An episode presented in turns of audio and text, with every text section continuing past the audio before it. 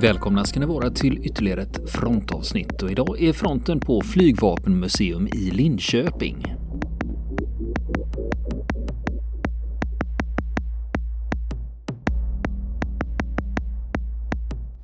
Ja, då fortsätter vi med frontens besök på Flygvapenmuseum i Linköping. Och när vi kommer in i besöket då är jag nere och tittar på DC-3 som sköts ner av sovjetiskt stridsflyg 1952. Och det är ju så när eh, det är inte första flygplansvraket jag ser. Och när man ser flygplansvrak så ibland kan det vara svårt att fatta vad det är man faktiskt ser här. När det bara är, om det bara är tillknycklade metalldelar. Sen har de några montrar här också med mindre föremål som är, som är upplockade. Bland annat ett armbandsur, glasögon, Alvar Olmebergs vigselring med en text inuti Anna-Lisa 3 juni 1944. Det är kam, pennor, kompass, fragment av en flygarhuva. Så det är lite blandade fynd som finns här. Delar av kartor. Damstrumpa som är ihopknuten i ena änden. Bars av en signalist som en eh, lycko, lyckoamulett. Här har vi lite olika tekniklådor. Det var ju så att eh, det här flygplanet ägnade sig ägnar ju sig åt eh, signalspaning. Det var det man höll på med där. Sen har vi skor. Glasögonfodral, plånbok, portföljer, livrem. Sen har vi eh, lite olika knivar de har haft med sig här. Som, eh, tre stycken knivar som fortfarande ligger i sina slider. Känns nästan lite makabert när man står och tittar på skor som folk, de har haft på sig. Här är dörren till DC3. Sitter i en monter här. Man kan tydligt se kronmärkningen på den. Och de är ganska anfrätta och korrosion kan man se. Plus att man kan se splitterskador. Eller kulhål. De har ju fläkt upp sig på ett väldigt speciellt sätt. Det har ju gått tvärs genom dörren. Dörren har flera kraftiga splitterskador står det här. Ja står också att handtagets läge på, de båda nöd, på både nöddörren och nödfönstret visar att besättningen förberett sig för att lämna flygplanet innan nedslaget. Sen har vi en modell av DC-3 som visar Gåva till Flygvapenmuseum från Östergötlands flyghistoriska sällskap. Och här kan man då se hur de satt inne i, i, i DC-3 när de ägnade sig åt signalspaning. Det fanns eh, fem arbetsplatser fem arbetsstationer som de satt och jobbade vid. Och här har vi då en tidslinje för vad det var som hände 1952. 13 juni klockan 06 till 07. Besättningen lämnar sina hem och beger sig till Bromma. Och här är det bilder på besättningsmännen också. Det var Börje Nilsson, Erik Karlsson, Ivar Svensson, Bengt Bok, Einar Jonsson, Herbert Mattsson, Gösta Blad och Alvar Elmeberg. 09.05 då startar DC3. Så det är en bild på den också. Den står på flygfältet. Och klockan 09.20 då ber besättningen att en navigeringsfyr ska sättas igång. 09.25 då inleder man signalspaningen. Och då är det en karta här också som visar var man flyger ifrån. Ifrån Stockholm så flyger man i sydöstlig riktning. Och eh, eh, den första lägesrapporten. Det är precis utanför Huvudskär i Stockholms skärgård. Och sen 09.47 då är man öster om Gotska Sandön. Och sen eh, 10.08 då är man öster om Fårö.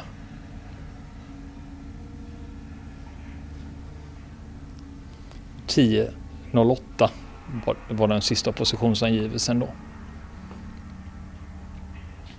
Klockan 10.15 då upptäcker sovjetisk radar DC-3. 10.24 den sovjetiska översten Shinkarenko ger startorder som upphävs två minuter senare. Och 10.25 då kommer DC-3ans fjärde lägesrapport och då är man då är man öster om södra delen av Gotland utanför Ljugarn, rakt utanför där. 10.44 överste Chinkarenko ger startordet till piloten Oshinski. Och 10.46 då kommer DC-3ans nya lägesrapport. och Då befinner den sig eh, i höjd med samma position som den var på 10.25. Men de har vänt och flyger norrut nu. Och 10.46 Oshinki startar från Tukums. Och Tukums ligger alltså innanför Ventspils. Och eh, det, man kan säga att Tukums ligger ganska nära Riga. Det ligger, ligger väster om Riga. 11.08 då kommer den sjätte lägesrapporten. Då, man, då, är man, eh, då har man flugit norrut och då är man uppe i höjd med Fårö igen då, öster om Fårö. Och klockan 11.14 piloten Oshinski ser DC-3 och 11.15 överste Shinkarenko sänder anfallsorden Karyto en balja till er.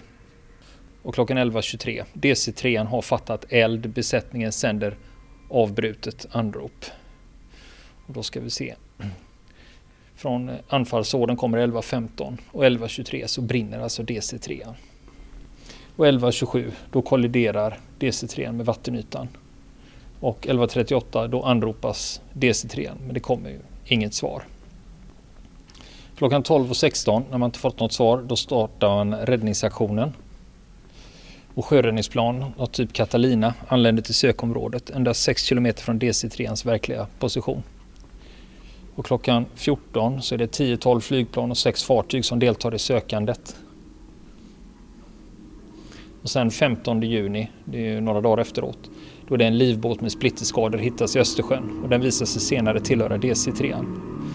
Sen 16 juni.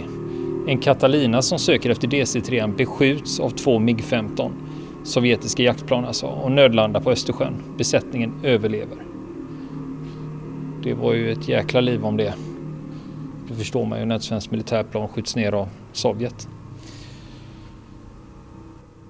28 juni, spaningarna avbryts och haveriutredningen är klar. Den hemligstämplas. Och det är också att de anhöriga får inte reda på någonting om det här.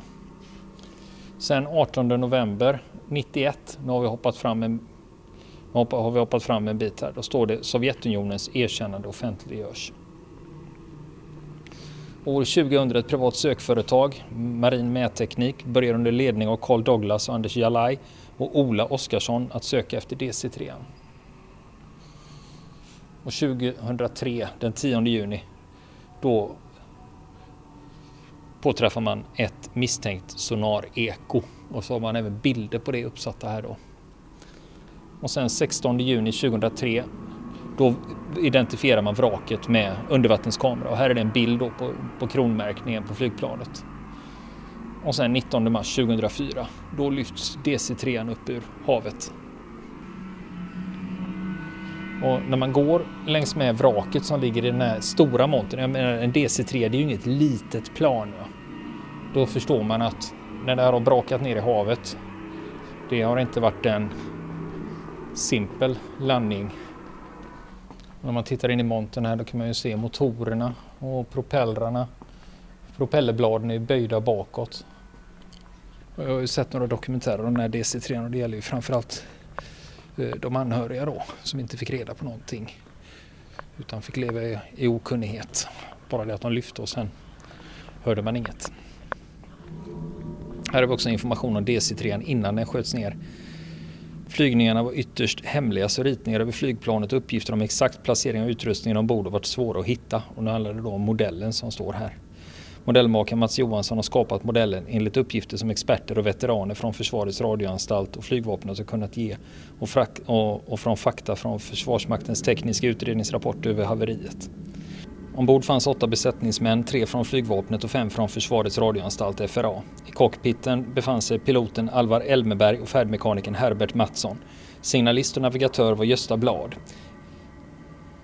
De fem operatörerna från FRA, gruppchefen Einar Jonsson, operatörerna Ivar Svensson, Börje Nilsson, Erik Karlsson och Bengt Bok hade sina arbetsplatser i kabinen. Vid varje operatörsplats fanns en mängd utrustning för signalspaning. Mottagare och inspelningsutrustning användes för att finna signaler, lyssna av dem och spela in dem. Tre av operatörsplatserna användes för teknisk signalspaning, det vill säga avlyssning av radarstationer och andra tekniska signaler.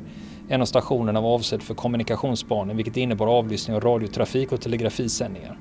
Längst bak på höger sida i kabinen arbetar gruppchefen vars utrustning också användes för teknisk signalspaning. DC-3 var ombyggd för att kunna utrustas med olika typer av mottagare och antenner beroende på, beroende på vilken typ av uppdrag som skulle utföras. De flesta antenner på DC-3 var gjorda för att ta emot signaler oberoende av riktning. Vissa antenner var monterade i skyddande kupolformar, kupolformade radomer, två på ovansidan av flygkroppen och två stycken på undersidan av mittvingen. Dessa antenner var vinklade framåt och gav bäst resultat om flygplanet flög rakt mot signalkällan. I en radom under flygplanskroppen fanns en pejlantenn som kunde riktas åt olika håll. Och sen har vi ett rum här som heter Hemliga handlingar. Det inleds med den försvunna DC-3 är ett kvarlevande trauma från kalla kriget. I olika arkiv har hemligstämplade dokument förvarats sedan dess. Dokument som bland annat beskriver de spaningsuppdrag som utfördes från flygplanet. Senare års forskning visar att vissa fakta har rensats bort. Uppdraget präglades av kalla krigets oro och spänningar. Det slutade i tragedi, väntan, sökande och sorg. Sökandet gav till slut resultat men många frågor kvarstår. Så har man en liten, liten biograf här inne där man kan välja att se tre filmer. Åtta män i kalla krigets skugga, den är 35 minuter. Åtta män i kalla krigets skugga, 35 minuter. Eh, då är det med engelsk textremsa. Och sen har vi TP 79001, den sista resan, det är tre minuter. Står det också att det var 2009 som eh, vraket av DC-3 fick sin slutgiltiga förvaring på flygvapenmuseum. Sen har vi ett eh, rum här, ligger en karta på bordet. Över Östersjön. Sen är det inramade fotografier på besättningsmännen. Här står det, de har satt upp texter på väggarna. Även andra stater såg fördelen av ökad kunskap om Sovjetunionens luftförsvar. I största hemlighet och i strid med Sveriges neutralitetslinje pågick ett underrättelsesamarbete med Storbritannien och USA som därför kunde avstå från egen spaning. Genom den svenska spionen Stig Wennerström blev detta samarbete känt i Sovjetunionen. Och det var först i samband med den så kallade IB-affären 73. Då blev samarbetet en officiell sanning för svenska folket. Sen står det lite allmänt här om lite signalspaning. Sen har de kopior och olika rapporter här. Mm. Och här finns det också lite lurar som man kan lyssna på intervjuer. Från och till har vi ju levt med hoppet eller vad man ska kalla mm. Eh, och här står det, här är det då stängda kontorsdörrar och då ska då visa det som de anhöriga fick ju inte reda på någonting om det här. Utan de frågade och frågade men fick inga svar. Då står det också att fortfarande saknas fyra personer i besättningen. Enligt haveriutredningen tyder framförallt skadorna på stolarna på att besättningen satt på sina platser vid nedslaget. Det som talar mot detta är flera sovjetiska dokument från 52 som säger att minst en person lämnat flygplanet med fallskärm.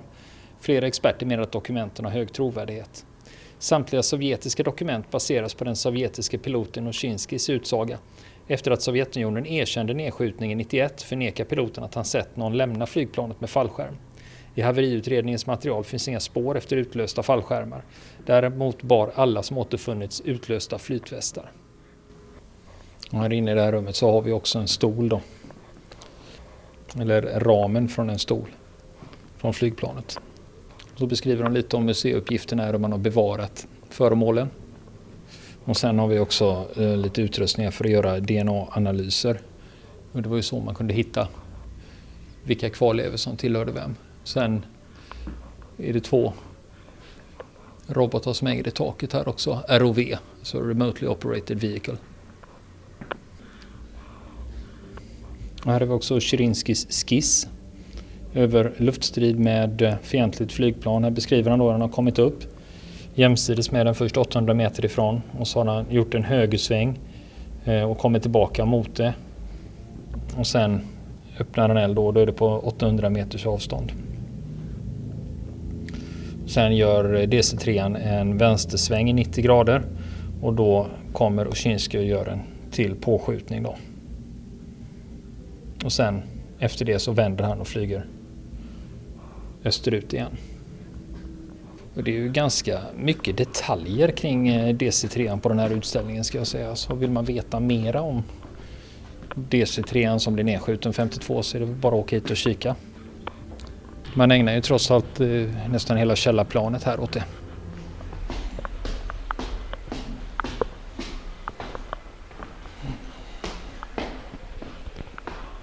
Sen har vi en utställning som heter Om kriget kommer. Det är Sverige under kalla kriget. Här är berättelsen om hur Sverige förbereder sig för det tredje världskriget, det kalla krig som aldrig bröt ut.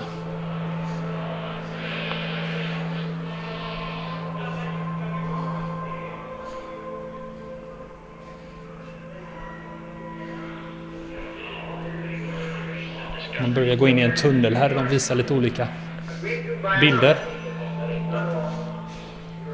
från kalla kriget.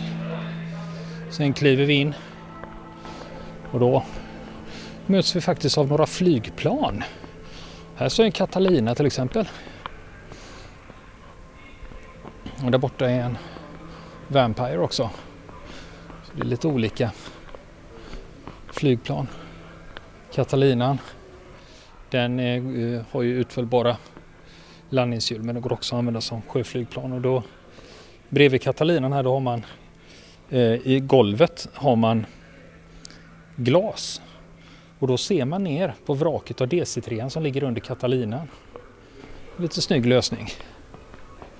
Här har vi en Vampire då med, med en klargöringsjeep, eller en boxeringsjeep framför.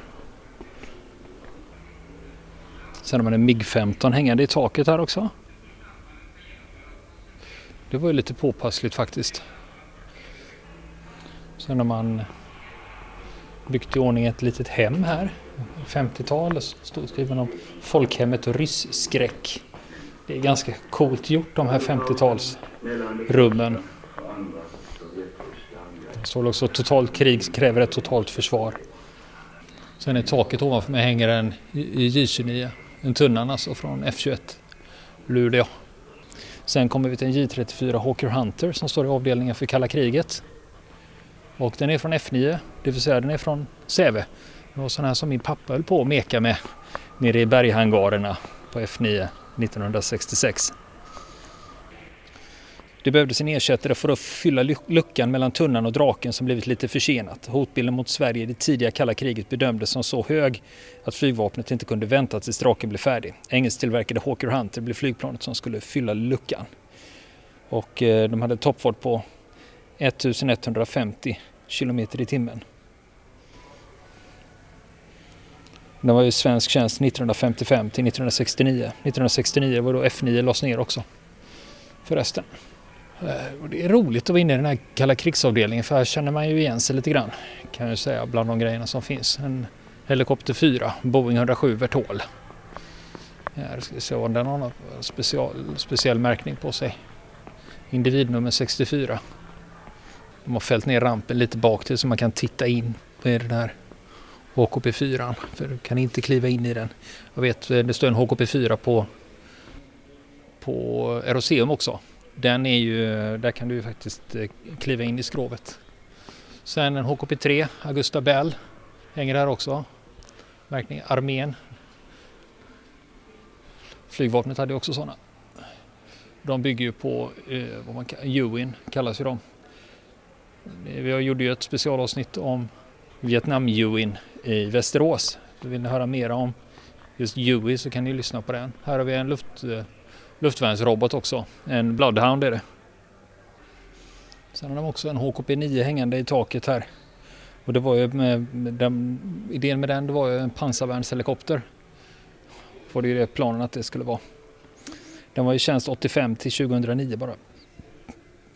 För att stoppa framryckade stridsvagnar och andra pansarfordon vid en invasion köptes helikopter 9 till svenska försvaret. Utrustat med ett sikte från Saab och med två robotar på varje sida var helikoptern ett kraftfullt vapen.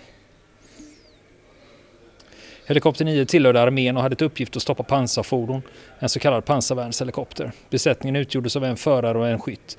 Vid anfall siktade skytten på målet och avfyrade sin robot men behöll siktet på målet. Informationen skickades från siktet som var placerat på helikopterns tak till roboten och styrde den mot sitt mål. På så sätt kunde roboten träffa sitt mål även om det var rörligt. Efter ett anfall skulle helikoptern dras tillbaka till en ny position. Detta skulle ske så dolt som möjligt genom terrängflygning och lågflygning, vilket ställde stora krav på såväl pilot som maskin. På grund av sitt speciella uppdrag var styregenskaperna hos helikopter 9 speciella. Minsta rörelse i styrspaken gav utslag. Den är ju tillverkad av MBB, Tyskland. Sen har vi en J35 som hänger i taket också. Med märkning från F4. Och sen har vi en J32 Lansen. De står här också.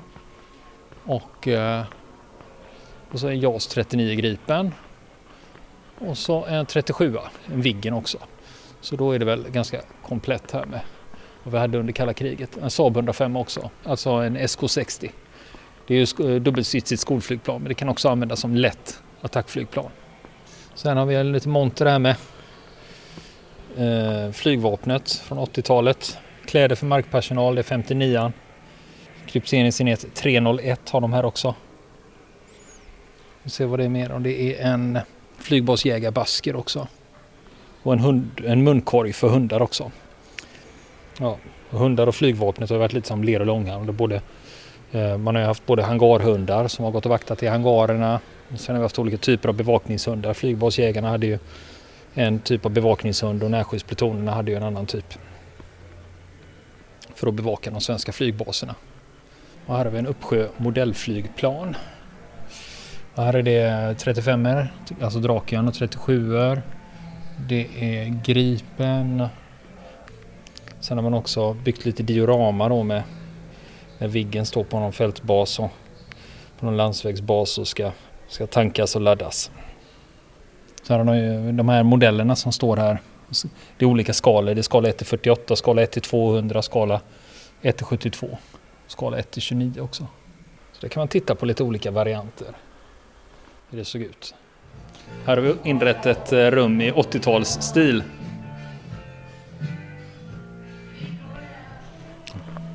Ja, då var det bara 10 minuter kvar tills museet stänger. Det är väl dags att ta sig ut härifrån. Det är en ganska stor utställning här om Sverige under kalla kriget. Det finns mycket grejer att titta på. Även om väldigt mycket handlar om, handlar om eh, flygvapnet. Här har vi en liten teknikmonter med lite, lite vanliga, eh, vanlig eh, hemelektronik, eh, VHS-video, lite gamla kameror och grejer. Lite roligt att se. Här är väl lite mobiltelefonins utveckling eller telefonins utveckling i Sverige. De börjar med de gamla dialogtelefonerna från Televerket och sen fortsätter det mobiltelefoniutveckling ända upp till iPhone. Här är en monter med bara Ericsson och Nokia. Sony Ericsson, Nokia. Roligt att se. Här har vi också en liten, när ni har kommit ut vid entrén här, då har vi en stor modell av Malmen. Området som vi är på. Nu har vi kommit ut i presentshoppen här. Har vi lite böcker. Framförallt om svenska flygplan. Saab 32 Lansen 29 tunnan. Sen har vi Max Timmig, Nattens jägare. Eh, där har vi gjort frontavsnitt och intervjuat honom. Du behöver inte läsa den boken, kan lyssna på den istället. Anna Larsdotter, Kvinnor i strid. Henne har vi också intervjuat. Det kan du också lyssna på. Sen har vi muggar här med flygvapenemblem, kepsar med flygvapenemblem. Lite blandat. En bok om DC3. Och eh, så har vi en bok om Boris Safanov eh, skriven av Jurij Rybin, eh, rysk författare. Han har vi också intervjuat, kan ni också lyssna på i fronten. Sen har vi lite modell, ganska mycket modellflygplan. Det är intressant om man, är, man kan åka hit och köpa plastmodeller som man kan bygga om man är intresserad. Det ser de vara? ja, de har eh, lite olika varianter på 37an bland annat. Eh, J22 har vi. MIG-15. Saab 17. Så DC3 då, eller C47 Skytrain står det här då. Det är samma sak. Så det finns lite blandade grejer här. Ja, och sen på utsidan så har vi en Canberra. Den andra eh, eh, Canberran som, det köptes ju två till Sverige. En står ju här. Den andra står ju nere i halländska Ugglarp på Svedinos eh, bil och flygplansmuseum. Och så har vi en karavell också som står utanför. Och så har vi också en vackert silverfärgad DC3 som står i solskenet där idag. Vill ni komma i kontakt med oss så kan ni göra det via vår Facebook-sida som heter Fronten. Det är inga problem för er att leta er fram där. Eller också så mejlar ni på vår mejladress och det är frontenpodcast@gmail.com.